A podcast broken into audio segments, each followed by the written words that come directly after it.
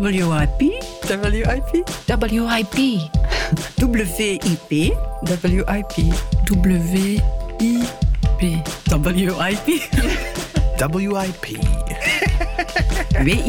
WIP, WIP, WIP, WIP, WIP, WIP, WIP. Je luistert naar een podcast van de Vrouwenraad. Welkom bij WIP, een podcast over feminisme die staat voor Woman is Present, geleend van artiste Marina Abramovic. Dat feminisme begrijpen we intersectioneel. We gaan voorbij de buzzwords, voorbij de hypes en duiken met telkens drie experten in actuele vraagstukken. Waar slagen we? Waar falen we? Van waar komen we? En hoe moet het verder? WIP staat daarom ook voor Work in Progress, omdat intersectioneel feminisme over processen gaat. Het werk nooit voltooid is, het verhaal nooit af. Mijn naam is Yusra Benfki. Zij, haar. Ik ben dokter in de rechten, schrijfster en dichter, maar in de eerste plaats jullie host van dienst. Welkom. Fijn dat je hebt ingetuned. Vandaag hebben we het over decoloniaal feminisme. Decolonisatie is de laatste tijd everywhere. Maar hoe haakt decoloniaal feminisme in op gender? En op ras en religie? Hoe ziet een decoloniale feministische praktijk eruit? En tegen wie spreken we eigenlijk wanneer we het over decolonisatie hebben? Over deze vragen buig ik me met heel mooie, wijze mensen. Nozis Wedube, Samira Azabar en Olave Douange. Bedankt om erbij te zijn vandaag. Ehm, we starten met een korte introductie en ik vind dat altijd fijn als de sprekers dat zelf doen. Dus kunnen jullie jullie zelf kort even voorstellen, of lang, maakt helemaal niet uit, aan de luisteraar. Ja, ik zal, uh, ik zal anders beginnen. Um, dus ik ben Nozi Zwedouwe. Ik ben zelf in Zimbabwe geboren en daar ook opgegroeid. Dus ik ben in Zimbabwe um, opgegroeid en daar bij mijn grootouders gewoond tot mijn 14 jaar. Um, op mijn veertiende ben ik dus naar België gekomen om met mijn moeder herenigd te zijn. Zij is een vluchtelinge, dus ik kwam onder gezinshereniging.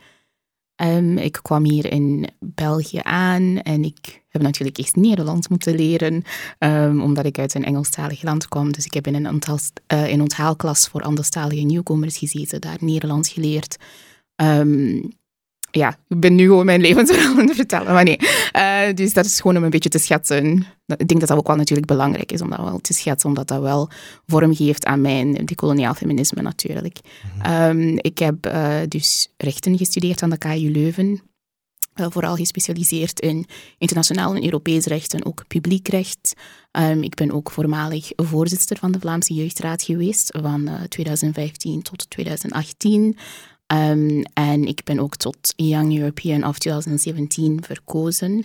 Um, ik heb ook wel uh, tijdens mijn studententijd uh, ben ik medeoprichter geweest van, de, van Caribou, dat is African Circle Leuven, dus een studentenvereniging voor studenten uit het Leuvense en met Afrikaanse roots. En ik ben ook um, coördinator geweest van Undivided voor KU Leuven, dus daar werkten wij vooral rond decolonisatie, gender, LGBTQ studenten en ook intersectionaliteit. Wie uh, volgt er? Oké, okay, dank u. ik ben uh, Samira Azabar. Uh, ik ben momenteel werkzaam aan de UA. Ik doctoreer rond politieke participatie van minderheden. En daarnaast doe ik onderwijsondersteuning binnen politieke wetenschappen qua departement. ik ben bovendien ook heel lang lid van BOE, Pas over eigen hoofd. Dat is een feministisch en antiracistisch platform dat vooral rond het hoofddoekenverbod bezig was sinds de oprichting in 2007. Maar ook heel erg rond feministische thema's, racisme, ongelijkheid, onderwijs. Dat zijn allemaal thematieken die mij heel erg uh, nauw aan het hart liggen en waar ik ook uh, afgelopen jaren enorm uh, actief rond ben geweest. Ik ben eigenlijk dochter van gastarbeiders, maar zelf ook mama van drie kleine koters die nogal wat energie vragen thuis. Mijn naam is Olave en ik ben 38 jaar, 38 jaar oud. Uh, ik ben in Burundi geboren en op mijn negende zijn we naar Nederland gekomen uh, door de burgeroorlog. En sindsdien heb ik best een, een behoorlijk nomadisch leven geleefd. ik heb in vele landen gewoond, Amerika, China, Rwanda, Burundi, Duitsland, Nederland, België nu. Um, Mijn pronouns zijn zij en haar trouwens. Ehm, ik ben nu momenteel werkzaam als coördinatrice van het Studium Generale Gent. Dat is een multidis multidisciplinaire publieksprogramma van het uh, Hoog Gent en het, het Kasken Conservatorium. Daarnaast ben ik schrijfster en freelance moderatrice en bij Vlagen journaliste. Um, hiervoor was ik vooral veel bezig um, met LHBT-rechten. Uh, ik heb bij meerdere Europese netwerken gewerkt uh, voordat ik, uh, voordat ik bij, bij, bij Studium Generale ging werken. En met name ook veel antiracisme-activisme in, uh, in, in Nederland. Ik ben nog steeds behoorlijk betrokken in politiek. In, met name op gemeentelijke niveau. Dus in Den Haag specifiek. Dus we gaan zo verkiezingen in. En het is nu een hele drukke tijd. Mm. Moet ik eerlijk zijn. maar bedankt voor de uitnodiging. Heel fijn dat je erbij bent. Het is een uh, eer uh, om je erbij te hebben. Uh, het klopt ook dat je ook een, een, achtergrond hebt in de rechten ook. Ja, ik heb een bachelor in. Dit is echt bijna. Het voelt als vier decennia geleden, maar in 2005 ben ik afgestudeerd als Europese rechtenbachelor en in 2010 als ondernemingsrechtmaster. En ik heb ook twee jaar gewerkt als advocaat, met name in internationale commerciële arbitrage. Um, en ben daarmee gestopt. En uh, ben een hele andere kant op gegaan met mijn leven. Ja, mooi. Een, een nodige kant. Ja. um, ik denk dat het voor de luisteraar duidelijk is dat ik echt met een, een dreamteam hier uh, aan tafel mag zitten. Um, ik stel voor dat we erin vliegen. Decolonisatie. We zien die term de laatste tijd overal opduiken. En we hebben daar allemaal een eigen idee van. Maar wat betekent die term voor jullie? Zo zou ik de podcast normaal begonnen zijn. Maar vandaag gooien we het over een andere boeg. Want in het voorgesprek kwamen wij tot het besef dat we eigenlijk al veel te veel moeten uitleggen. Veel te veel crashcourses moeten geven en ook verwacht worden dat te doen. In een decolonisatie voor dummies, nee, daar hadden mijn mooie gasten nu eens echt geen zin in. Vat ik dat goed samen, Samira, Olave, nog iets mee? Helemaal goed. Ja. nee, ik, ik, moet eerlijk zeggen dat als ik de vraag kreeg, dat ik dacht van, oh ja, oké, okay, interessant, maar dit is weer de zoveelste vraag over, kom het eens uitleggen hoe dat het bij de ander verloopt. Hoe uh, al dan niet feministisch dat jullie zijn en die taboes die aanwezig zijn over of moslimvrouwen vooral, klopt dat dan wel? En uh, tijdens het voorgesprek had ik het geluk om met uh, andere fantastische gasten samen te babbelen over wat willen we nu echt. Uh, en toen dachten we, we gaan het roer helemaal omdraaien, we gaan de macht in handen nemen en we gaan het gewoon overnemen. De grote schrik van Vlaanderen. um, Take over. Ja. maar ik dacht, laten we het dan waarmaken, maar doen we het dan ook op een positieve manier en, en laten we dan ook delen wat we belangrijk vinden en niet weer de zoveelste, want die kan je lezen. Die, allee, ja, er zijn zoveel podcasts, er zijn zoveel sessies, er zijn zoveel artikels geschreven over hoe dat het anders kan. Uh, die kunnen we in de show notes meegeven. Mm. Maar heel het idee was, we willen het ook anders doen en we willen vooral um, een inspirerend verhaal brengen waarin dat we ook van elkaar kunnen leren, omdat er nog veel te leren valt. Ja. ja. En ik denk soms dat als dat programmamakers, zoals ik zelf trouwens, uh, vaak onze publiek onderschatten. Um, ik luister ook heel graag naar die feministische podcasts en, uh, en bezoek heel graag feministische lezingen en panels en zo. Maar zelfs ik merk dat ik meer en meer betreur dat, er, dat het allemaal aan de oppervlakte blijft. En ik denk, wanneer je dan um, die verdieping aangaat, als mensen getuigen mogen zijn van een gesprek waarin wij ook van elkaar proberen te leren, um, dan dat is dan uit, dat is een dat is een teken van vertrouwen ook wel. Vertrouwen dat de luisteraar misschien ook al wel basiskennis heeft, of eventueel die uitdaging van nieuwe kennis en van nieuwe informatie, nieuwe perspectieven, um, dat hij die omarmt. Ja. Dat die juist gaat denken van, oh, dit is top. Ik heb nu meer om te onderzoeken. Ik ga nu, weet je, ik ga hier niet bij stoppen. Ik snap het niet, dus ik, ik, ik, ik, ik, ik ben er klaar mee of zo. Maar juist denken van, dit zijn allemaal interessante pistes die ik kan aangaan om nieuwe informatie te begrijpen en te vergaren. Ja. Dus ja, ik ben blij dat we het op deze manier doen. Ja, mooi. Ja, en ik denk ook dat dat eigenlijk neerkomt op decolonisatie zelf. Dus bestaande straminen in vraag stellen en die dan helemaal omvergooien en dan gewoon anders aan, dingen anders, anders aanpakken. Dus ik denk dat dat ook gewoon terug eigenlijk een mooi voorbeeld is ja, inderdaad. wat is. Inderdaad, ik ben het daar uh, volledig mee eens. En het is inderdaad, wat je zegt nog eens, het is eigenlijk al het decoloniale in de praktijk omzetten in, in zelfs de manier waarop je spreekt en waarop je het gesprek aanvat. Um, Wat mij heel duidelijk werd toen dat we het eh, daarover hadden, was ehm, ja, het belang van dat dichtbij, het nabij, het persoonlijke, van laat ons daar beginnen eh, en niet bij die grote concepten die wij weer moeten uitleggen. Ehm, dus dan wil ik ook graag daarop ingaan. Wat betekent uh, decoloniaal feminisme in die concrete dagelijkse zin? Nou, toen ik dus die vraag kreeg, heb ik een lijstje beginnen te maken. En ik merkte dat het wel een hele lange lijstje werd. Uh, het decoloniaal feminisme inspireert mij dus. Dus ik, heb, ik, ik dacht van, ik ga categorieën denken. En ik, dacht, ik realiseerde me dat het mij inspireert wat betreft mijn persoonlijke narratieven. Hè? Dus de verhalen die ik mezelf vertel over wie ik ben, over wat, wie ik kan zijn. Um, dus ook een stukje identiteitsvorming. Um, hoe ik mijn genderidentiteit bijvoorbeeld zie, hoe ik mijn zwartheid bijvoorbeeld zie, hoe ik mijn uh, afkomst, hè, Burundees, Europees, weet je wat betekent dat? Like, feminisme heeft mij zoveel verrijking daarin ook gebracht.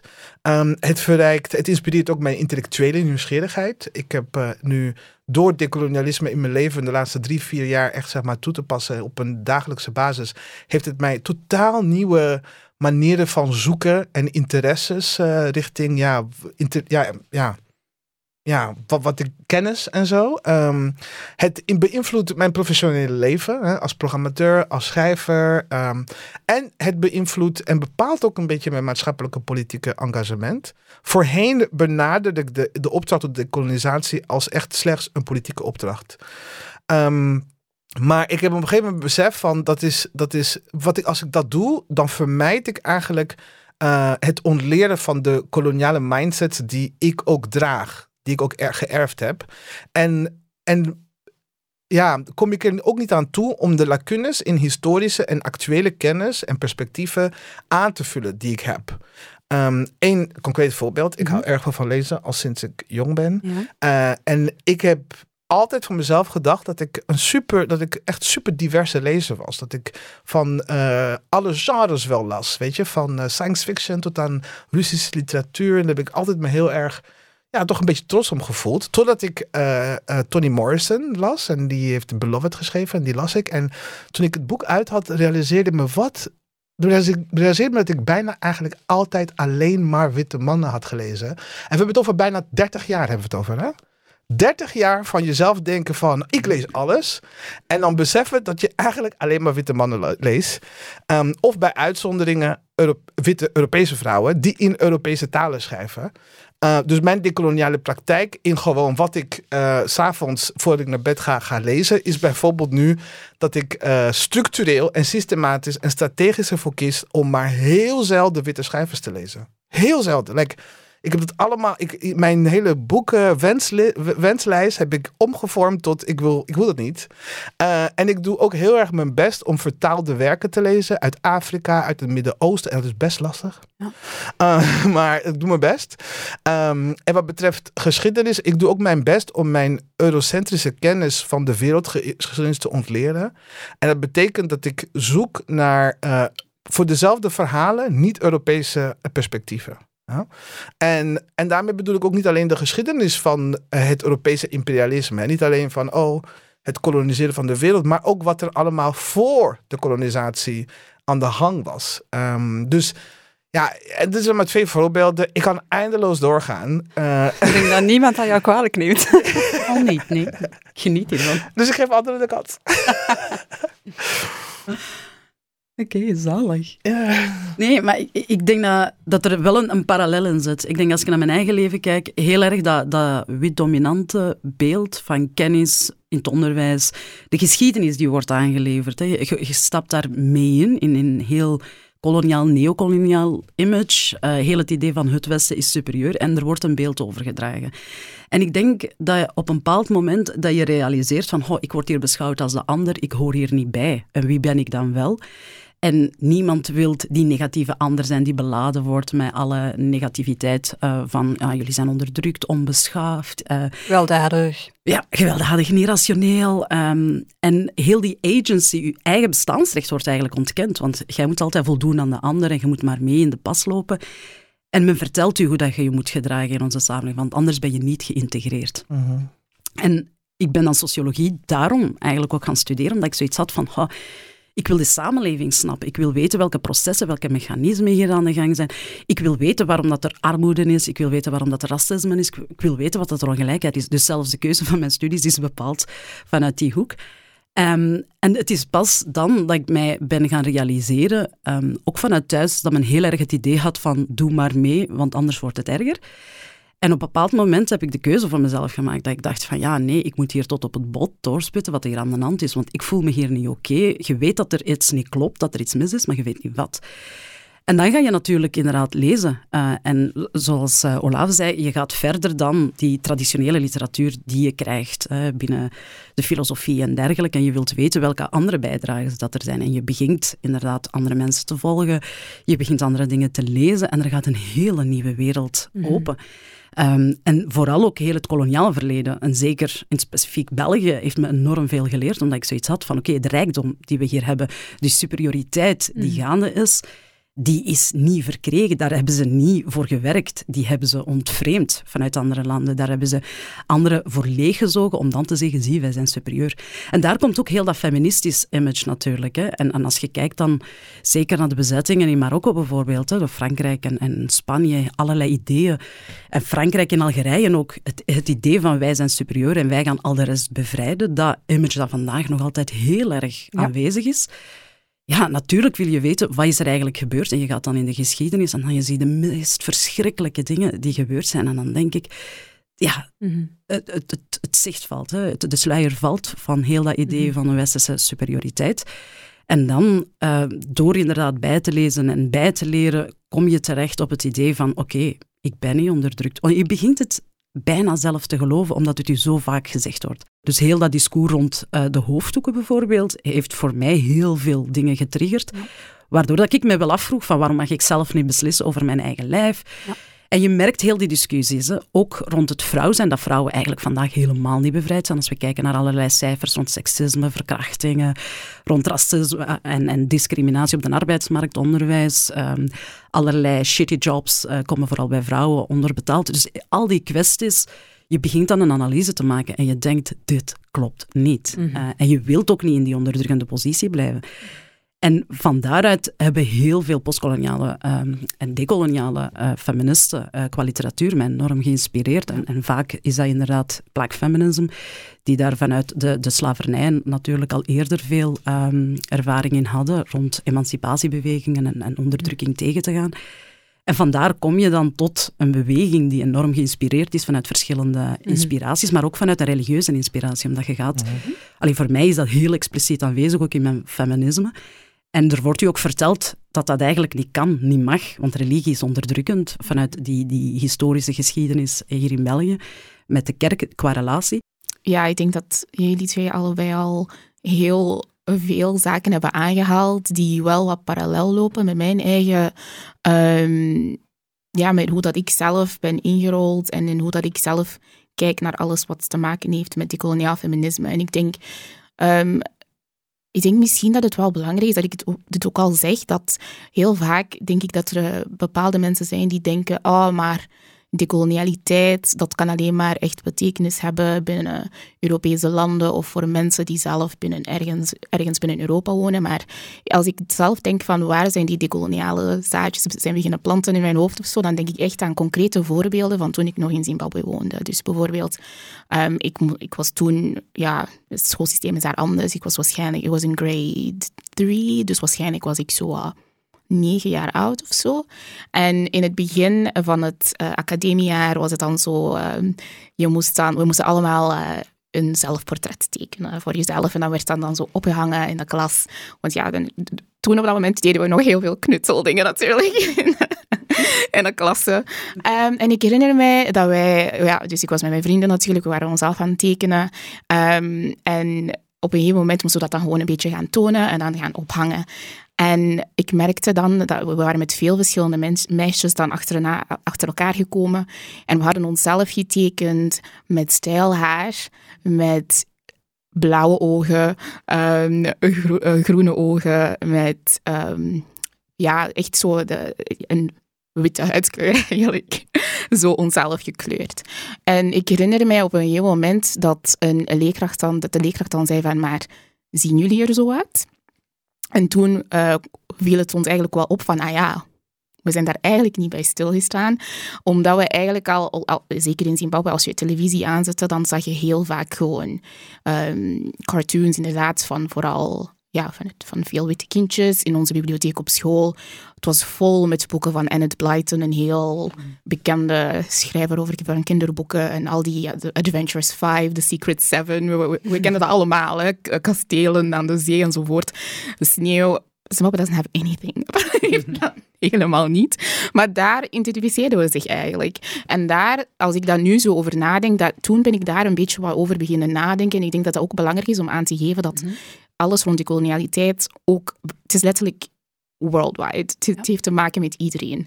Um, maar dat heeft dus ook wel rechtstreeks vandaag de dag natuurlijk, zoals jullie ook al altijd al, al hebben aangegeven, dat het ook wel erop neerkomt hoe mijn dagelijkse die koloniale feministische praktijken eruit zien. Het gaat erom over bepaalde en bewuste keuzes maken over wat dat ik consumeer in de zin van welke boeken ga ik lezen. Omdat dat wel bepaalt wat is mijn vertrekpunt van kennis. Mm Want als ik elke keer vertrekpunt iets eurocentrisch moet nemen. En dat mhm. kan echt gaan over gewoon ontspanningsboeken. Dat kan ook gaan over podcasts waar ik naar ik luister. Dat kan gaan over welke vertrekpunt genomen wordt in mijn cursussen binnen de faculteit rechten. Als dat telkens witte mensen zijn. En als dat telkens... En ik denk dat dat... Heel veel mensen denken dan, ah, het gaat alleen maar om het feit dat... Um, ja, jullie, jullie zijn een beetje aan het uh, tegenvechten op het feit dat het expliciet om witte mensen gaat. Daar is het niet zozeer alleen maar het probleem. Het probleem is echt, het gaat over het feit dat die witte mensen worden geponeerd als zijnde vertrekpunt van kennis. Mhm. En ze zijn ook universeel en neutraal. Omdat ik dan bijvoorbeeld dacht van, hè, eh, dat is ook de reden waarom we bijvoorbeeld met Undivided hebben gewerkt rond die, kolonia, uh, die um, decolonisatie binnen academische instellingen specifiek. Omdat we dan, iedereen aan de KU Leuven heeft een, een, een cursus uh, filosofie. In mijn faculteit hebben we dat bijvoorbeeld gehad, uh, fundamentele wijsbeheersen. Je doet je boek open, allemaal twintig witte mannen. En dan denk ik, oké, dat wordt voorgesteld als zijn de fundamentele mensen die nadenken over hoe de wereld is, hebben vormgegeven aan de wereld vandaag. Maar dan denk ik, ja, ik kom uit Zimbabwe, Zuid-Afrika, Ubuntu, dat is superbelangrijk. Waarom staat dat niet in mijn cursus? Ja. ja. Dus dan is dat zo van, zo zijn we eigenlijk beginnen nadenken, zo samenkomen. Maar ook niet alleen maar dat, maar ook voor hier in de hier, we zitten hier in een heel witte universiteit. Heel, veel, heel weinig zwarte mensen bijvoorbeeld.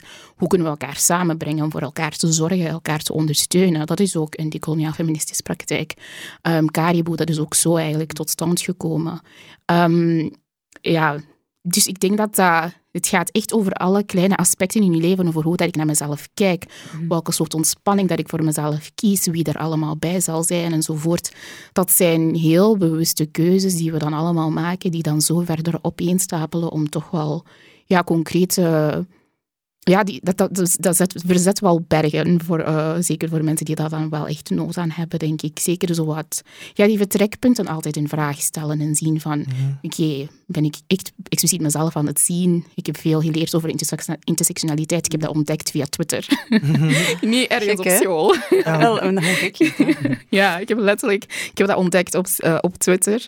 Uh, ik weet bijvoorbeeld als mensen afstuderen in dezelfde faculteit als mij rechten, je hebt letterlijk alleen maar in één keuzevak, in je master antidiscriminatierecht, wordt dat dan aangeboden als laatste les. Ja. En als je dat dus niet neemt, het is al een keuzevak, je studeert af vijf jaar, je hebt niks gehoord over intersectionaliteit of um, ja, kruispuntdenken. Ik vind zoveel herkenning in wat je zegt. Dat dus, als ik mezelf nu een decoloniaal feminist mag noemen, dan zijn de zaden gelegd in Burundi. Um, en niet op enige universiteit hier in Nederland. Toen ik afgestudeerd was in uh, Europese rechten aan in Maastricht, um, heb ik in 2005 heb ik een jaar lang ben ik naar Burundi gegaan. Het was net vrede uh, na twaalf jaar burgeroorlog. En uh, ik bedacht met veel van mijn familieleden eigenlijk, bijna al mijn broers en mijn ouders bedachten van, we kunnen eindelijk terug naar Burundi. We zijn ook allemaal verhuisd, huizen, uh, huizen verkocht, auto's verkocht, meubels uh, in, de, in de container gezet. En in 2005 waren we ineens als familie voor het eerst in weer heel lange tijden verenigd, allemaal thuis in Burundi. En ik dacht, ik ga nooit meer weg Na een jaar ging dat al mis. Maar anyways, ik ben daar dan. Ik ben net afgestudeerd eh Europees recht met een specialisatie in internationale handelsrecht.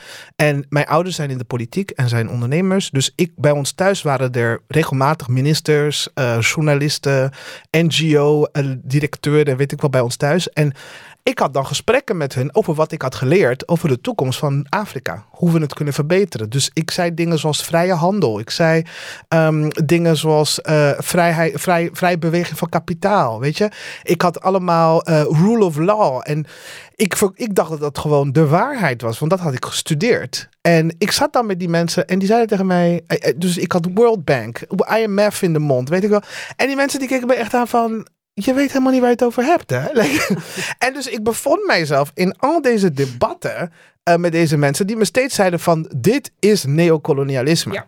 Ik had nog nooit dat woord gehoord in mijn hele leven. Ik, ben toen, ik was toen 22, denk ik. En ik word dus met mijn diploma's, ik denk, oh, ik weet heel veel, werd ik constant de tafel ondergepraat. Ik weet nog dat ik toen een e-mail heb geschreven naar mijn professor. In, eh, in, eh, in, na een jaar in Burundi heb ik een professor, mijn professor in Nederland een, be- een, eh, echt een heel lange e-mail. Ik heb die bewaard. Waarin ik hem vertel van alles wat jij mij hebt geleerd, wordt hier tegengesproken. Mhm. Wat moet ik doen? En ik kreeg ook boeken. Hè? Ik kreeg huiswerk van deze mensen. Lees dit boek, lees dat boek. Weet je? Eh, zo kwam ik ook mensen zoals Leopold Senghor tegen. Had ik nog nooit van gehoord. Hè? Ehm, eh, Lumumba had ik echt nog nooit van gehoord. Totdat ik 22 was en in Burundi na mijn bachelordiploma. Ik, kom, ik, ik schrijf die mail waar ik in zeg van ja, dit is wat deze mensen vertelden. Ik heb nog de mail die hij mij beantwoord heeft. Dit is nu op dit moment een van de hoogste rechters aan de internationale handelsorganisatie. Is een Belg. Hij stuurde me een van de meest racistische e-mails die ik. Like, ik heb nog nooit zoiets. Dingen zoals van. Ja, eh, je kan veel zeggen over kolonialisme, maar wij hebben tenminste wegen gebouwd in, Bru- in, eh, in, in, eh, in Congo. Ik heb die e-mail bewaard. Ik denk als ik die ooit publiceer, is die mans carrière gewoon helemaal kapot. Eh, is echt een hele belangrijke man. Heeft ook het handboek geschreven van internationale handelsrecht. Wanneer eh, ga jij een mail uitbrengen? Ja. Eh, nee, dus, dus ik denk, het- wat dit heeft gedaan. Ik kwam natuurlijk terug naar Nederland. Ik heb toen een master ondernemingsrecht gedaan. Dat dit dus. Ik heb er wel een lange weg gegaan na die tijd. Maar het is waar ik begon te lezen. Ik begon na te denken. En toen ik altijd dus mijn master bezig was. eh, en ik werd voorbereid om internationale commerciële arbitrage te doen. Waar ik in mijn werk uiteindelijk gewoon Afrikaanse landen namens eh, Europese bedrijven, Afrikaanse landen naar het internationale eh, arbitrage bracht. En wij wonnen van Afrikaanse landen. Als ik die tijd niet had gehad, zou ik niet op een gegeven moment in die twee jaar dat ik advocaat was, bedenken van klopt dit wel wat ik aan het doen ben? Mhm. Want je wordt gevormd. eh, en ik denk dat het ook geldt voor heel veel zwarte en bruine mensen die aan de universiteiten, zeker rechtenfaculteiten in Nederland, zijn hyper neoliberaal. Eh, je wordt gevormd met het idee dat de, de supremiteit van het Europese eh, juridische traditie, ehm, dat die onbetwistbaar is. Je wordt niet geleerd om daaronder te kijken en te zien de zakelijke, de koloniale en de, en de kapitalistische belangen die we daarmee eh, dienen. Mhm. En eh, ja, dus ja. Dus ik ben echt blij dat je dit zegt. En ook wat betreft mijn LHBT-activisme. Ik ben een LHBT-activist geworden toen ik in Burundi was. Niet toen ik in Nederland... Ik ben in Nederland opgegroeid, zowat. Maar ik had nog niet de... Die hele tijd dat ik in Nederland was, geloofde ik dat verhaal dat eh, LHBT-emancipatie al gelukt was in Europa. En dan kwam ik in Burundi en ik kwam erachter dat de katholieke kerk een, en evangelistische kerken een agressieve campagne nu bijna al 30 jaar voert. In landen zoals Burundi, in landen zoals Oeganda, Congo. Een hele agressieve campagnes voeren om LHBT-rechten terug te dringen. En niet alleen maar dat, maar ook vrouwenrechten terug te dringen. Dus dan kom ik denk van, ik kom van het eh, civilized Europe. En dan kom ik daar en dan blijkt dat mijn civilized Europe, Eu- eh, Europese eh, medeburgers, eh, dus LHBT-rechten in landen zoals Burundi, waar traditioneel van oudsher niet zoveel LHBT-fobie bestond. Dat dat daar ook door komt. Dus da- daar ben ik die activisme geleerd. Dus ja, anyways, dat wil ik even zeggen. WIP, WIP, WIP. WIP, WIP, WIP. WIP, WIP. WIP. Whip. Whip. Web. Whip. Web. WIP. Whip. WIP. Het feit dat welke kennis krijgen we ehm, en wie geeft die kennis en wie oordeelt welke kennis goed is en juist en dergelijke, zit daar allemaal in. Maar ik heb, en dat is het moeilijke, ik heb de kennis die ik heb opgedaan allemaal moeten deconstrueren, omdat ik zoiets had van, dit werkt niet. Ja. Dit klopt ook niet. Want ook binnen sociologie, dat zo, ah ja, wij weten wat dat vrijheid is en emancipatie en al de rest moet het aanleren. En ik kwam dan in die contexten waar dat zij het over hadden, waar witte mensen onderzoek rond hadden verricht. En ik dacht, dit klopt helemaal niet met, met mijn realiteit ook. Dus het feit dat je gewoon weg bent in het onderwijsgegeven, in mediagebeuren, waar dat er inderdaad vaak nog over anderen wordt gebabbeld en niet over, over mensen die effectief aan het woord worden gelaten. Dus je wordt gewoon, je bestaat niet. Al de rest bestaat en je kunt enkel maar bestaan en gezien worden. Bij gratie van. Ja, als het, ook, als het mag. Bij als goedkeuring. kan, bij Ja, ja. goedkeuring. En als dat niet gebeurt, dan, dan zit je in een heel lastig parket. Maar ook heel het idee, en dat, ik denk dat dat zeker heel essentieel is, dat neoliberaal gedachtegoed. Ehm, waar concurrentie, winst, de vrije markt staat centraal. Dat brengt ons tot het goede. En al de rest die niet mee kan, ja, dat is eigen schuld. Want je hebt alle mogelijkheden om te studeren, er zijn alle kansen, armoede is je eigen schuld. Dus al die aspecten van kapitalisme, racisme, seksisme zit allemaal zo nauw verbonden met elkaar qua structuren. Want we kunnen het vaak hebben over mensen die racistisch zijn, maar het zijn, je kunt bij wijze van spreken bijna niet anders, omdat die structuren zo zijn opgebouwd. Eh, iedereen denkt op die manier, zelfs wij denken op die manier. En dat is belangrijk ook, omdat heel vaak eh, in die gesprekken schieten mensen in een kramp, omdat ik, maar ik, ik heb toch niks verkeerd, terwijl het niet gaat om, om die, in die individuele, het gaat om die systemen en hoe je daar eigenlijk bewust van wordt, hoe dat je daardoor niet anders kan dan die dingen geïnternaliseerd te hebben. Ja, maar ik denk dat dat ook de essentie is, eh, want daar ligt ook het probleem. We denken vaak, alles is zo geïndividualiseerd en dat heeft ook te maken met dat neoliberale systeem en heel het meritocratisch denken. Je moet er maar zelf geraken en als het niet lukt, dan is het aan jou Als ik het kan, kan jij het ook. Ja, voilà. Yes, you can, dat is even. Ehm, en heel dat idee maakt ook dat oplossingen op een heel individualistische manier worden geïnterpreteerd. Dus iemand zegt iets racistisch, die persoon is racistisch, we moeten die persoon opvoeden. We moeten daar even een gesprek mee aangaan, we moeten die even sturen naar ehm, ergens de docentkazerne. Hè? En dan weet hoe dat het allemaal in elkaar zit en dan komt hij tot zijn zinnen en wordt hij terug mee met onze samenleving. Want onze samenleving is niet racistisch, institutioneel racisme bestaat niet. Hetzelfde met seksisme, als we die verschillende gevallen zien.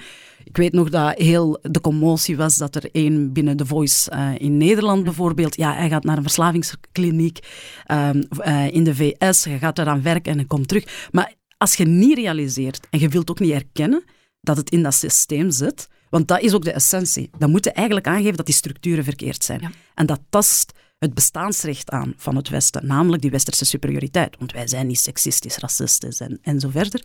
En dan komt het tot de problematiek. Je kunt niet aan die essentie geraken. Dus er wordt alles in het leven geroepen om dat effectief te bewaren. En dan komt er neer op, ha, eh, zwaarste kunnen niet mee, moslims kunnen niet mee, die kan niet mee. En dan wordt er inderdaad een weg gedreven tussen die verschillende communities vanuit het idee, oh ja, ze weten het nog niet. Um, En zij zijn de ander. En daar rust ook gewoon op heel het koloniaal verleden. Als je ziet wat dat men inderdaad in allerlei kolonies heeft uitgespookt, wat dat men nu nog doet met heel het idee van ontwikkelingssamenwerking en zo verder, dat is gewoon de basis. En dat is de samenleving waar, waar dat wij vertoeven. En ik denk dat het, het moeilijkste is, en daar hebben we in het voorgesprek ook over gehad, heel dat idee is van, hoe doe je niet mee aan die structuren? Eh, omdat dat de essentie is. Hoe doe je niet mee aan kapitalistisch denken? En je kunt daar op je eigen een aantal dingen doen, maar de, de vraag is, hoe zorg je ervoor dat die structuren in vraag gesteld worden? Hoe komen we tot de essentie van kennisproductie en, en dat in vraag stellen? En dat gebeurt veel te weinig. We mochten niet aan die structuren komen, maar we willen hier en daar wel oplossingen, pleisters voor die Window dressing. ja, voor al die etterende wonden willen we even een pleister gebruiken, maar kom niet aan de essentie. En dat is het probleem vandaag. Mag ik jullie twee een vraag stellen? Go ahead. Want je, je zegt, je praat over dus de individuele verantwoordelijkheid. Hè? Dus dat bijvoorbeeld zegt dit is racistisch. En dat mensen dan zeggen van, oh noem je mij racistisch en zo. En dat we dan, ik heb dat ook heel lang gedaan. Doe dat ook wel eens. Dat ik uitleg, nee, ik heb het over de structuren. Ik heb het over ehm, die, die, die, die, die, die systemen die ik ook moet ontleren. Die zitten ook in jou. En het is niet dat ik jou een slecht mensen noem. Maar ik, ik, ik wijs je op een systeem waarin je leeft. Maar ik heb daar meer en meer moeite mee. En ik wil jullie vragen hoe je daarmee omgaat. Want ik merk dat ik meer en meer denk van... Ja, ik kan tegen mensen zeggen... Ik heb het niet over jou, jou als witte persoon. Ik heb het over witheid. eh, als systeem. Maar tegelijkertijd denk ik dat, dat ik gaandeweg een soort van... Zeker ook met mensen nabij mij... Goede vrienden van mij die wit zijn. Dat ik merk dat ik de individuele verantwoordelijkheid soort van wegneem. Dat ik hun ook leidend voorwerp maak.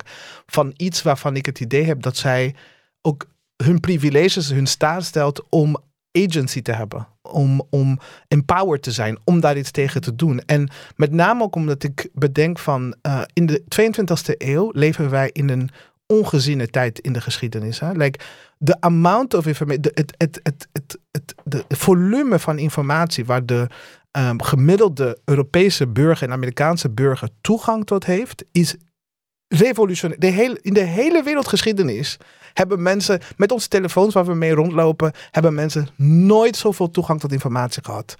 En toch eh, zijn we, als we gaan stemmen, stemmen we eh, vaak zonder heel veel te weten over, ehm, over de politieke programma's van de mensen waar we voor stemmen. Zonder veel te weten over wat die mensen in het verleden hebben gedaan. Zonder veel te onderzoeken naar wat voor impact de, de, de, de, de policies die die mensen hebben gedaan, de beleiden die mensen hebben gedaan, de wetten die ze hebben uitgevoerd, wat voor impact die hebben niet alleen in ons land, maar ook in het buitenland. En je van, op een gegeven moment eh, moet ik toch tegen mensen kunnen zeggen van, eh, ja, jij hebt ook verantwoordelijkheid. Dus wat jij nu zegt is racistisch en dus jij bent ook racistisch. Dus niet alleen het systeem is racistisch, maar jij bent ook racistisch.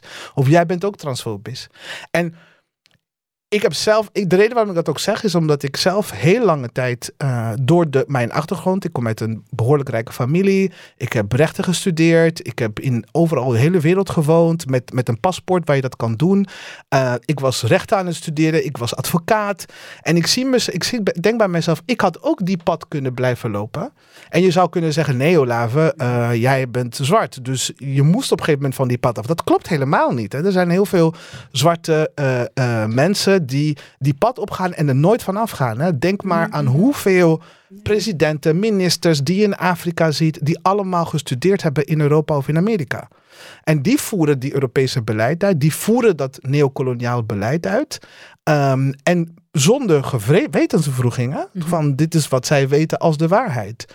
En dus ik denk van iedereen, including iemand zoals eh, die geprivilegeerd is, kan besluiten van ik wil meer informatie, ik wil hier meer over weten, ik wil dat deconstrueren en ik heb dat ook nodig. In plaats van te zeggen het is alleen wij die dat nodig hebben, zeg maar. Tenminste, wie zijn wij? Want er is ook heel veel verscheidenheid onder ons. Ja, dus, maar hoe gaan jullie daarmee om? Ja, het ding is, ik, ik ben nu. Ik denk dat, het, ehm, dat mijn antwoord nu helemaal anders is dan pakweg vijf eh, jaar geleden of zo. Moest jij mij dezelfde vraag gesteld hebben. Op dit moment ben ik echt op het punt gekomen waarbij dat ik denk. Get with the program. Nee, maar als je ik kan niet blijven bepaalde dingen uitleggen. En je moet inderdaad ook wel op een gegeven moment die individuele ehm, medeplichtigheid of zo. I don't know, ik weet niet welke soort term daar wel juist in is, maar ook wel begrijpen hoe dat jij bijdraagt of iets in stand houdt. Ik denk dat dat, we kunnen daar niet... Ik snap inderdaad de focus op systeem, maar ik ben inderdaad ook iemand die echt zo zegt van ja, die systemen en begrijpen waar je ook staat binnenin die systemen en hoe dat je bewust of onbewust kan bijdragen aan, aan het uh, verder bestaan van die systemen. Um, en ik denk dat dat wel echt belangrijk is. Uh, en het wordt toch voor mij persoonlijk wel belangrijker. En het is dan ook bijvoorbeeld echt een... Expliciet, het wordt dan ook heel belangrijk in wie dat ik kies om rondom mezelf te hebben, um, in, in, in mijn cirkel enzovoort. Het wordt meer en meer belangrijker, dat wel. Omdat ik merk dat ik ook gewoon veel minder geduld heb om, om die dingen te blijven uitleggen of iemand anders vooral gerust te stellen. Ik denk dat dat ook wel soms zoiets is van... Ik kan, ik kan u niet blijven geruststellen voor mijn eigen leden. Want ja, aan de andere kant, als je die persoon ook blijft geruststellen, is dat ook wel ten koste van jezelf. Ja. Mm. Of toch wel een deel van je identiteit. Dus um, vandaar ook dat ik ook wel merk van, ik kan niet telkens mezelf verloochenen om iemand anders gerust te stellen en, en niet op die individuele ehm, bijdrage ook wel te wijzen. Mm. Dus het wordt wel echt voor mij... Ja, binnen tien jaar het was eigenlijk nog, een, nog verder extremer of zo. Allee, extreem. Maar zelfs gewoon, ja, het, het, het, ik ben daar ook veel meer vocaler in, in, in mijn, de mensen waarmee, waarmee ik toegang, waarbij ik toegang toe heb, ja. Zeker. Je zou het extremer kunnen noemen, maar ook zachter voor jezelf. Ja, en je kunt het hard versus zacht, maar voor mij draait het allemaal om die sociale rechtvaardigheid. Wat is rechtvaardiger voor zoveel mogelijk mensen? En, en vooral voor de meest kwetsbaren in onze samenleving. En ik heb heel lang met die vraag gestruggeld, want ik, ik zit nu al bijna 15 jaar binnen de activ- activistisveld en ik heb ook op de universiteit, hè, een heel cliché, terug in een studentenvereniging, eigen studentenvereniging, daar ook rond gewerkt. En terwijl iedereen TD's deed en leuke dingen, gingen wij debatten organiseren, gingen wij dingen schrijven. Weet je, dat wordt erin gepeperd, je denkt ik moet mij verdedigen, ik weet dat ik word... Weet je, en dat is ook, je voelt je continu aangevallen, elk moment, en dat doet racisme met u. Hè. Eh, Je voelt je nooit veilig in welke context dat Je je ook bent zit. het ook niet. Nee, nee, tuurlijk ook niet. Ehm, en zeker al van jongs af aan, want je weet, oh, ik word hier anders beschouwd, dus ik, ik, ik moet mezelf beschermen. En je doet dat door harder en harder te worden. En heel het idee dat er ook weinig onderzoek is rond het effect van racisme en dat dat pas nu het laatste decennium een beetje opkomt, dat zijn gewoon trauma's, keer op keer. Dus die resilience dat je opbouwt, is onbeschrijfelijk. Ja. En dan gaat het over welke strategie je gaat hanteren. Ehm, want ja, ik vind dat je het recht hebt, want eh, weet je, dat idee, ook dat image van die, die boze gekleurde vrouw die hier allerlei eh, dingen radicaal en hysterisch zitten te doen. En vooral ook op die intersectie, hè, want je bent en vrouw en van kleur en irrationeel en dergelijke. Dus je wordt ook niet beschouwd als zijnde een gesprekspartner of zo. Dus je wordt opzij geschoven. En dan stel ik mij de vraag, hoe kom je tot je specifieke doelen? Om het gemakkelijker te maken voor mensen, om het gemakkelijker te maken voor jezelf, maar ook voor de generaties die opkomen. En bij mij is dat nog prangender geworden toen ik kinderen had. Ik dacht in mijn eigen, oké, ik, ik heb twee jongens en ik heb een dochter. En ik weet nu al, die jongens worden beschouwd als de gevaarlijke gewelddadige. En mijn dochter is, is ocharme, weet je, degene die eh, hier eh, onderdrukt zal worden. Dus dat beeld, dat image, dat, dat neem je mee. En je vraagt je af, in welke wereld breng ik die op? Dus met dat in het achterhoofd denk ik dat ik in het begin heel erg smooth en zacht ging in de sens van ik ga het uitleggen en dan begrijpen ze het. Maar dat, dat werkt niet. Want het gaat hier ook over belangen. Het gaat hier over wat moeten zij opgeven van macht om de wereld beter te maken. Heel cliché idealistisch, maar daar komt het eigenlijk op neer. Welke macht gaan anderen willen afgeven om het voor anderen gemakkelijker te maken? En ook met dat heel dat neoliberaal systeem is dat ook afgebouwd. Heel het idee van samen bijdragen aan sociale zekerheid om voor iedereen te kunnen zorgen. Dat, dus dat wordt geleidelijk aan afgebouwd en jij komt meer en meer, terwijl dat afgebouwd wordt, naar een idee van community feel, voor elkaar zorgen, voor elkaar zijn, ongeacht de verschillen. En dan kom je tot het punt van, ja, wanneer? En het is een beetje met wat Nozizwe daar juist ook zei, choose your battles. Soms kun je ook niet anders dan het weer te gaan uitleggen. Want je moet in het onderwijs zitten. Je moet een job hebben om, om financieel rond te komen. Je, je kunt van alles doen, maar je moet binnen die domeinen terechtkomen. En dan zijn er een aantal die resoluut kiezen voor eigen scholen, eigen, ehm, eigen werkplaatsen en dergelijke. En dat kan ik alleen maar toejuichen, want ik denk dat je daar op een bepaald moment ook die veiligheid kunt terugvinden. Je kunt daar op een heel andere manier mee aan de slag. En dat zien we bijvoorbeeld in Nederland met islamitische scholen en zo verder, die behoren tot de top. En dan denk ik, ja, geweldig als dat kan. En tegelijkertijd, misschien naïef, maar probeer ik ook nog erin te geloven dat verandering mogelijk is, want dat is het enige dat je verder blijft gaan. Uh, er is hoop, er is verandering mogelijk. En wat betreft het andere aanspreken, ik denk dat moeten we blijven doen. En dat hebben we in het begin veel te weinig gedaan, door inderdaad te veel te focussen op de structuren. Maar heel die theorie zorgt er wel voor mij dat ik begrijp wat dat er aan de hand is. Het zorgt voor mij een achtergrond, een kader waarom mensen denken zoals dat ze zijn. En dan kunnen we dat wel mee overbrengen, hopen dat je daar iets van beweging in kunt brengen. En soms lukt dat. Ik ben ervan overtuigd dat dat bij sommigen lukt. Hmm. En het is ook een hele opbouw, want wij, hè, wij experiencen al die onderdrukking, de, de marginalization as such.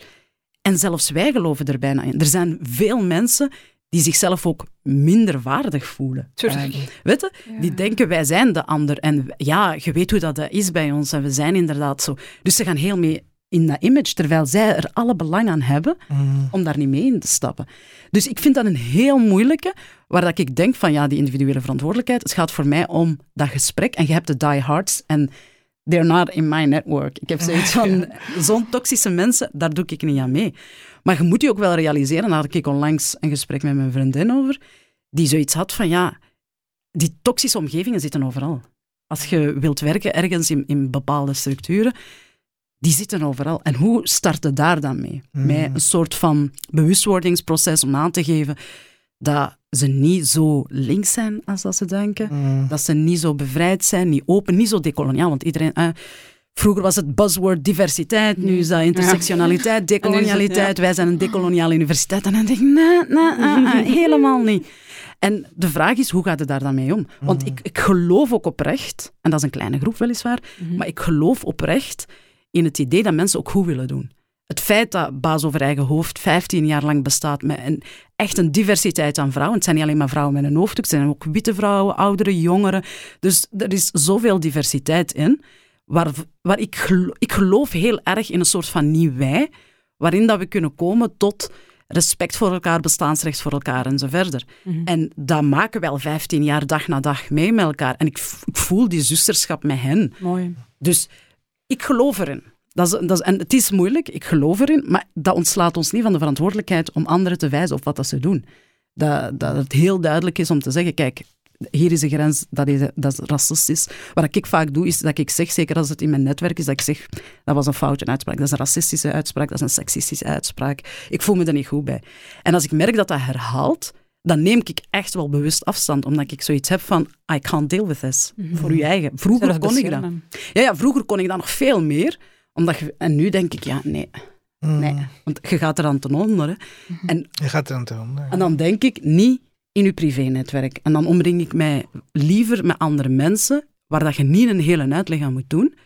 Eh, dat, en dat heb ik soms bij structureel racisme. Dat bestaat. Er zijn nog altijd mensen die dat ontkennen. Ja, En dan denk ik, oeh, ja. dit wordt heavy de komende jaren. Weet? je. Hey, veel stof om over na te denken. Ja, ja, inderdaad.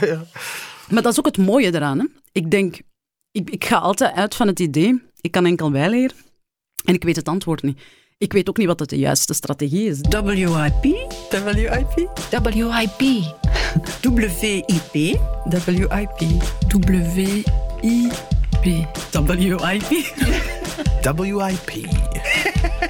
WIP, WIP. WIP, WIP.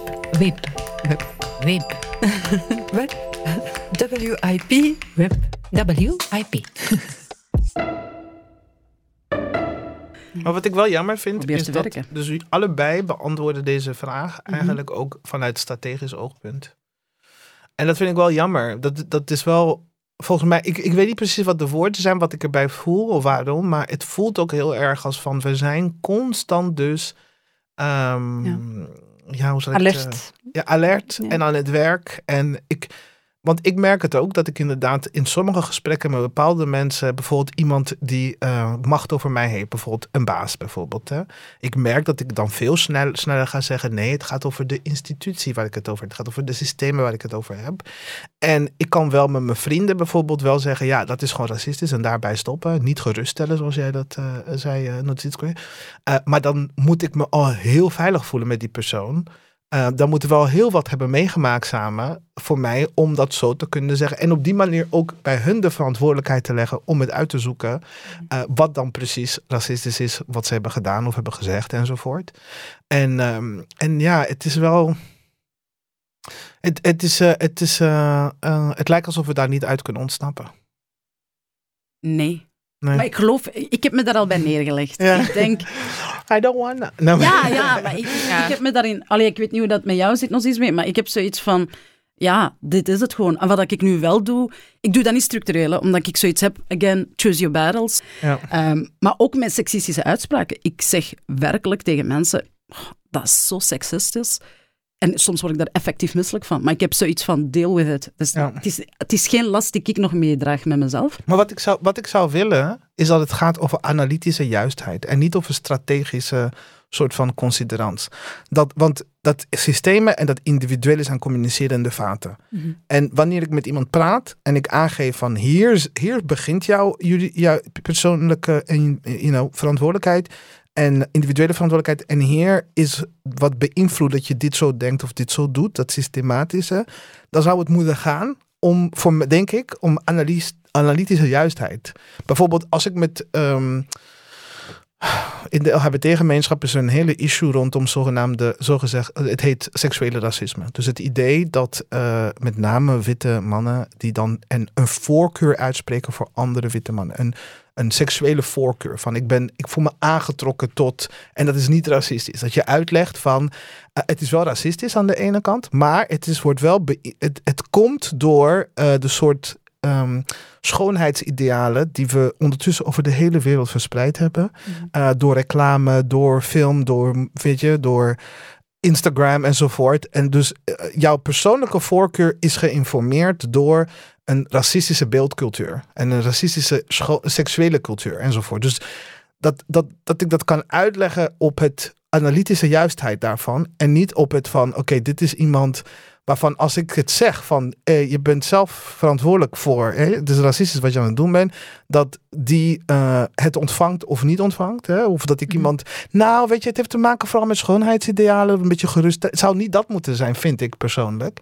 En ik zie dat ook in allerlei gesprekken rondom bijvoorbeeld transfobie, rondom seksisme, rondom enzovoort, waardoor het volgens mij, ik zie ook wel soms eh, eh, schrijvers, journalisten, eh, activisten dingen, columns schrijven waarin ze benadrukken: nee, we hebben het niet over de persoon, we hebben het over het instituut. En ik, ik, ik denk en ik zie dat mensen dat doen ook om een beetje ehm, de boodschap te laten, te, een beetje een soort glijmiddel, zodat mensen het kunnen ontvangen, zodat we eh, dus dat, dat individuele eh, reactieve van, oh, je noemt mij racistisch, om dat een beetje te ontwapenen. Zodat we, maar ja. eh, Nee, maar het is een en-en verhaal voor mij. Maar ik heb zoiets van, je kunt werken op dat individu en het... Weet je, hoe, hoe, hoe vaak ga je dat dan doen? Hoe vaak gaat een heel mentaliteitsveranderingsproces aangaan bij individuen? ja. En dan ben ik eerder een structuralist en ik zeg, als je aan die structuren komt, dan is het... Dan, en het is zwaarder, harder werk, maar het levert veel meer op Ja. dan dat je die... Want die individuen zijn er ook kwijt. Je hebt daar een gesprek mee en je zit hier binnen vijf jaar en het is weer all over the place als je in een andere context zit. Dus dat betekent dat die in uw... Het is heel precair, het is heel Ja, ja, fragiel. in uw, in uw netwerk. Dus dat leerproces, je moet daar continu in investeren. Dat is ook de reden waarom dat wij zoiets hebben. We gaan het niet meer uitleggen.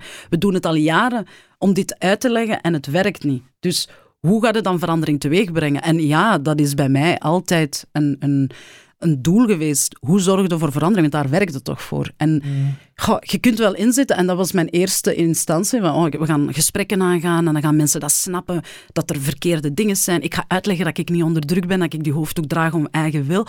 En dan lost het op. En we, we hebben dat gedaan. We zijn naar directies geweest, we zijn naar ministers geweest, we zijn overal geweest om uit te leggen, hé hey, mannetjes, laat ons eens aan het woord. En dat werkt niet. En dan dachten we, jongen, we gaan naar de rechtszaken, we gaan een rechtszaak aanspannen. Maar het werkt gewoon weg niet. Als je Ja, gesprek- juridisch systeem is natuurlijk ook... eh, ja, we hebben wel een aantal zaken gewonnen. Ja, hè. dus, gelukkig. eh, dus ergens wel. Maar ik denk, als je niet aan die structuur komt, dan blijf je met dat probleem zitten. En dan kun je ja, een vriend hebben die je begrijpt en die mee is. En je kunt een werkgever mee hebben. Maar daar, dat is fijn. Hè? Ik zeg niet dat je daar niet moet investeren. Maar wat veranderde daar mee aan de essentie, aan de structuur? Maar aan- ik denk aan dat jullie op zich wel hetzelfde zeggen. Ja, wat ja. ik vooral hoor bij Olaven is wat ik ook wel ergens snap, hoor, dat idee van... Ik betrap mezelf er ook heel vaak op dat ik heel vaak de nadruk op dat systemische, maar in, soms neemt het inderdaad... Is dat opnieuw een vorm van geruststelling voor de persoon tegen wie je spreekt? Eh, omdat die dan zoiets heeft van, oké, het is het systeem, not, not I. Nee, nee. Terwijl die natuurlijk, eh, die verbondenheid, dat, Dat is een keuze die je maakt om, dat, om in dat systeem te gaan. Hè? Voilà. Het is een keuze die je maakt om je interest niet opzij te zetten. Dus het is altijd een keuze. Hè? Ja, voilà. Ik denk, zeker met hetgene wat dat je zei, ehm, maar mensen maken een keuze op, wat win ik hierbij? En we moeten, en ja, dat is, Wat moet ik afgeven? ja, en ik vind dat moeilijk om te zeggen, maar deel, ergens moeten duidelijk maken aan mensen dat iedereen erbij wint. En dat is bij, in de feministische wereld is dat pas nu aan de gang gekomen, dat ze zoiets hebben van, oké, we moeten mannen meekrijgen, want zonder de mannen geraken we nergens. En we moeten hen mee overtuigen. En er zijn ook feministische mannen, de nieuwe mannen, en heel dat discours. Maar vroeger, heel dat idee, wat ik wil zeggen, heel dat idee van wij gaan alles veranderen op ons eigen, we hebben niemand daarvoor nodig, werkt volgens mij niet. Je hebt allies nodig, je hebt bondgenoten nodig, je hebt mensen nodig, je hebt zusterschap, broederschap nodig. Je hebt dat allemaal nodig om verandering teweeg te brengen. En dan kun je verder. Ehm, en dat, dat vind ik cruciaal in heel die strijd, dat ik zoiets heb van, je overleeft ook niet, ook om te helen. Hè. Je hebt anderen nodig. Ja. Ik bedoel, de rants die we onderling hebben, de gesprekken, de, de, de feelings, die veilige omgevingen, Mm. Die heb je nodig om, om verder te gaan. En dat heb je, allee, ik voel die met mensen die onderdrukt worden. Eh, en daar heb ik een instant klik mee, terwijl ik die niet heb met andere mensen waar ik ook andere dingen mee deel. dat community gegeven. Ik wil daar nog heel even op inzoomen. Ehm, omdat we daarover spreken alsof dat een evidentie is. eh, terwijl in het voorgesprek van mij duidelijk werd dat dat niet een evidentie. Dus ik wil voor de luisteraar die denkt, ah, die community, die romantische monola- eh, monolith, ehm, da- daar zou ik nog graag even op van, hoe vind je dat? Hoe doe je dat? Ja, ehm, voor mij is het, is, eh, is het begrip community ook wel zo een heel, nog altijd een heel abstract begrip in de zin van ehm, bijvoorbeeld mijn hele, als ik dan eerst inderdaad wel redelijk jong was als tiener, ik dacht van ja, ik ben feministe en dan luister ik naar bepaalde witte vrouwen spreken en hoe dat zij hun, ja, hoe dat ze vooral dan als genderongelijkheid als een soort van universele onderdrukking voor alle vrouwen hanteren en dat is dan ook het enige dat er dan voor hen voornamelijk dan eh, als, als strijdpunt is of zo, dan denk ik, ja, daar, daar herken ik mij niet in. En zo kom ik dan natuurlijk wel op het pad van decoloniale feministen enzovoort. Maar dan, dus dat is specifiek voor vrouwen, maar dan, zoals we al ehm gealludeerd hebben, omdat wij onszelf op verschillende intersecties bevinden, ho- behoor ik niet tot één bepaalde community, zeg maar. Hè. Ik, kan niet gewoon, ik ben niet gewoon een vrouw, ik ben ook zwart. Ehm, en, en, dan, en dan is het wel zo, eh, bijvoorbeeld, ik ben natuurlijk wel als, ja, ik ben hier gekomen naar België op 14-jarige leeftijd. Mijn ervaring, ook al ben ik een zwart persoon, is helemaal anders dan een zwart persoon wie hier geboren is in België. Dat is een totaal andere levenservaring die zij dan bijvoorbeeld eh, hebben meegemaakt. En dat zijn zo van die nuances die ervoor zorgen dat ja, community is een heel... Het is belangrijk in de zin van... Er zijn sowieso momenten waarop wij als community in verschillende communities, want ik behoor niet tot één, in verschillende gemeenschappen inderdaad samenkomen. En dat die momenten heel krachtig zijn. Ik kan bijvoorbeeld wel denken dat het bijvoorbeeld wel Misschien herkennen jullie dat bijvoorbeeld bij Boe, bijvoorbeeld, dat het dan wel een soort van community daarbij is, dat het belangrijk is voor een soort van herbronning. Uh, dat, dat ook natuurlijk wel heel erg belangrijk is, omdat we ook wel moeten beseffen dat het werken rond decolonia decolonialiteit vermoeiend is. Uitputtend. uitputtend. het is heel uitputtend. Um, en je, je beseft dat het een levenslange werk is, maar die momenten van gemeenschap, van community, zijn in die zin wel een, een belangrijke plek voor herbronning. Maar ook ik denk dat voor mij zeker, ook al ben ik inderdaad nog niet uit van hè, gemeenschappen enzovoort, maar het is ook belangrijk voor die momenten van een soort van calling in. Dus wanneer dat we moeten, wanneer dat je inderdaad bepaalde dingen fout hebt begrepen, of wanneer dat je bepaalde misstappen hebt gedaan, omdat dat ook wel natuurlijk gebeurt, dat je dan wel met andere mensen in die communities kan spreken en zeggen van, of zij spreken met jou en zeggen van, kijk, hoe dat je hier naar kijkt, je hebt hier wel bepaalde blinde blind spots. Je moet ook wel beseffen dat u... En, en dat kan ook gebeuren, hè, want zoals witte vrouwen dat heel vaak doen, hun ervaring als zijnde een soort van universele ervaring hanteren, dat kan ik bijvoorbeeld als cisgender vrouw wel doen. En dan is dat, zijn er wel van die momenten die belangrijk zijn om te zeggen van... Mm, ja. Wees bewust van dit en dit en dit, want op die manier sluit je andere perspectieven uit of ben je ook mee aan, het, ja. mee aan, aan een soort van onderdrukking aan het, aan het, aan het doen. Dus um, ik, ik herken me inderdaad in, in, dat, uh, in dat niet zo zeker zijn van hoe dat, welke rol dat community heeft of wat, hoe dat een community eruit ziet. Dat herken ik mij absoluut in. En ergens herken ik ook wel het gevaar ergens van het soort, ja, hoe dat al die communities dan ook wel natuurlijk gebruikt kunnen worden om ons allemaal van elkaar te scheiden. Mm. En dan een soort van, zoals je zei, uh, Samira, die, macht in, uh, in het nummers dan ook wel naar beneden halen, omdat we elkaar als communities misschien als tegenstander van elkaar zien. Terwijl dat, dat eigenlijk absoluut niet zo is. Dus dat is een soort van double-edged sword, denk ik, mm. alles, rond, uh, alles rond community. En die community, dat is het dan bijvoorbeeld, denk, mag ik dan denken aan Undivided KU Leuven? Of heb je het dan Ja. meer over intieme kringen, vriendschappen? Het is echt wel alles. Want bijvoorbeeld, we hebben bijvoorbeeld met Undivided heel, uh, heel on, redelijk recent um, zijn, is onze, um, ja, zijn onze fonds eigenlijk. De KU Leuven heeft beslist van. Ja. We, we don't like what you're doing. Echt? Oei. so we're not giving you any money anymore. Die jij gezegd, we don't like what you're doing. Bij deze sponsors gezorgd. ja, dus dat was zo van... Um, dat was wel echt een moment waarop dat het heel erg moeilijk was. Omdat je dan, voor mezelf, omdat we al zeker drie jaar minstens al daar rond aan het werken zijn. En we zien ook wel het werk dat we doen en wat dat betekent voor andere studenten. En dan was het op dat moment bijvoorbeeld heel erg goed om te weten dat er ook al een undivided community was, waarbij dat we samen konden nadenken van oké, en hoe pakken we het nu aan? Hè? Let's go back to the drawing board. Wat kunnen we nog doen? Wat kunnen we nog redden? Hoe, hoe moeten we ons aanpassen? Dus zo'n momenten zijn inderdaad natuurlijk wel belangrijk. Dus het kan inderdaad gaan over concrete verenigingen bijvoorbeeld, maar het kan ook inderdaad gaan over inderdaad die vriendenkring. Het is echt op alle niveaus. Alle dus, lagen. Ja, um, kleinere vriendenkringen, maar ook grotere verenigingen, communities enzovoort. En dan ik denk ook die ervaringen met Undivided hebben inderdaad ook wel, eh, om dan op het laatste te komen wat je had gezegd over um, hoe kan, hoe gaat, hoe gaat het verder met de kolonisering binnen instellingen, instituten enzovoort, hoe ziet dat eruit? Ja, voor mij is dat, zeker met de ervaringen rond Undivided, is het zeker gewoon duidelijk dat decolonisatie in bijvoorbeeld hoger onderwijsinstellingen zoals ze vandaag de dag bestaan, dat kan gewoon niet. Dat betekent dan gewoon alles neerhalen. Ja. letterlijk. Dat is letterlijk alles. Want decolonisatie gaat echt over het in vraag stellen van alle param parameters die bestaan, alle, alles wat er rond wat gebouwd is. En dan en dat allemaal gewoon opnieuw go back to the drawing board en laten we vanaf het begin beginnen. Omdat je niet, je kan niet die, die parameters die er nu zijn, die zijn er niet voor gemaakt om die kolonisatie mogelijk te maken. Dus dan moet je eigenlijk gewoon alles neerhalen en vanaf het begin beginnen. Um, ik denk dat dat een heel mooie eindnoot is. Hè. Ik denk die verbeeldingskracht en wat, wat, wat, wat, essentieel is, is dat het niet enkel afbreken of niet enkel verzetten tegen, maar ook oh. reimagine. Ja. En ik denk dat dat een heel mooie uh, uh, slotnoot is. Hè. Dus niet enkel het afbreken, maar ook het opnieuw verbeelden. Um, en er is volgens mij ook geen mooiere manier om dat dan te doen met poëzie. Bij uitstek een plek waar je de dingen kan herverbeelden.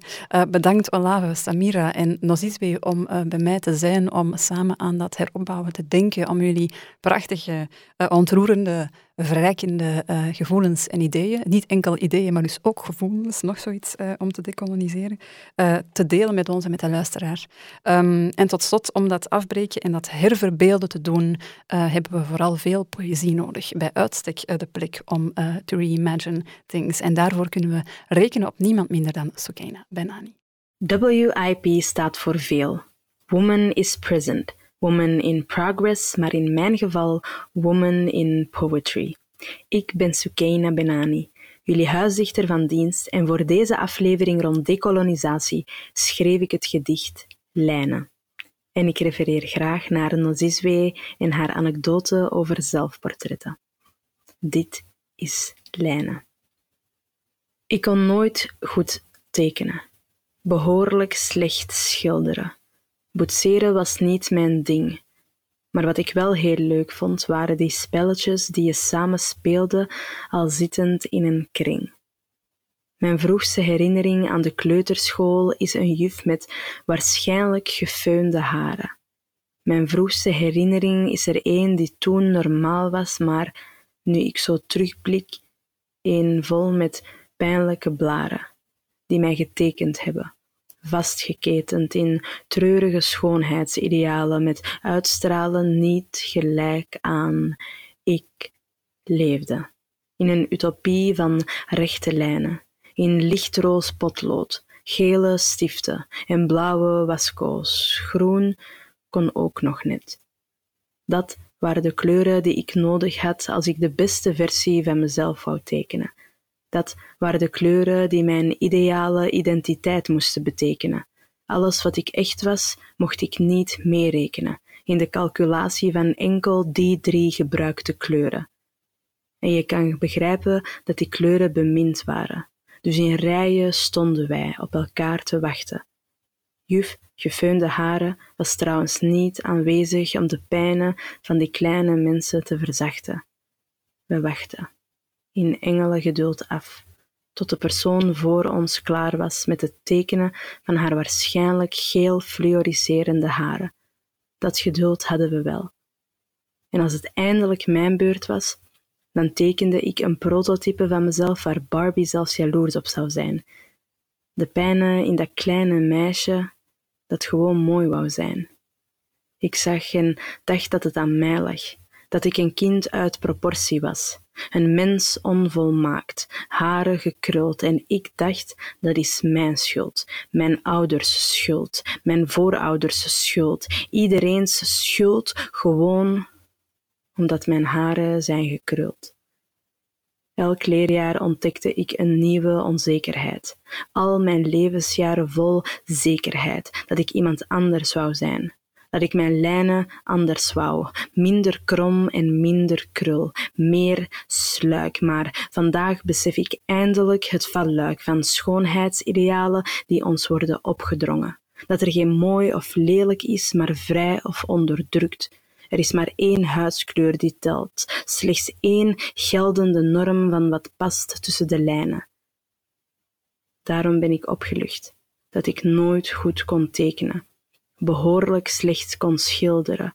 Boetseren was niet mijn ding, maar wat ik wel heel leuk vond, waren de spelletjes die ik samen speelde al zittend in een kring, waar niemand lelijk is, waar iedereen kleur heeft en waar kroes en krul worden gevierd. Een plek waar iedereen tot de eer strekt, omdat wij onze ogen strekken en verder kijken dan wat er op de oppervlakte is. Wij belichamen onze echte lichamen die als tweede rang worden gezien. Wij herzien die schoonheidsidealen als een groot falen. Jullie falen. Ik kon nooit goed tekenen, behoorlijk slecht schilderen, Boetseren was niet mijn ding, maar wat ik wel heel leuk vond, waren de spelletjes die ik samen speelde, al zittend in mijn schitterende, gekleurde kring.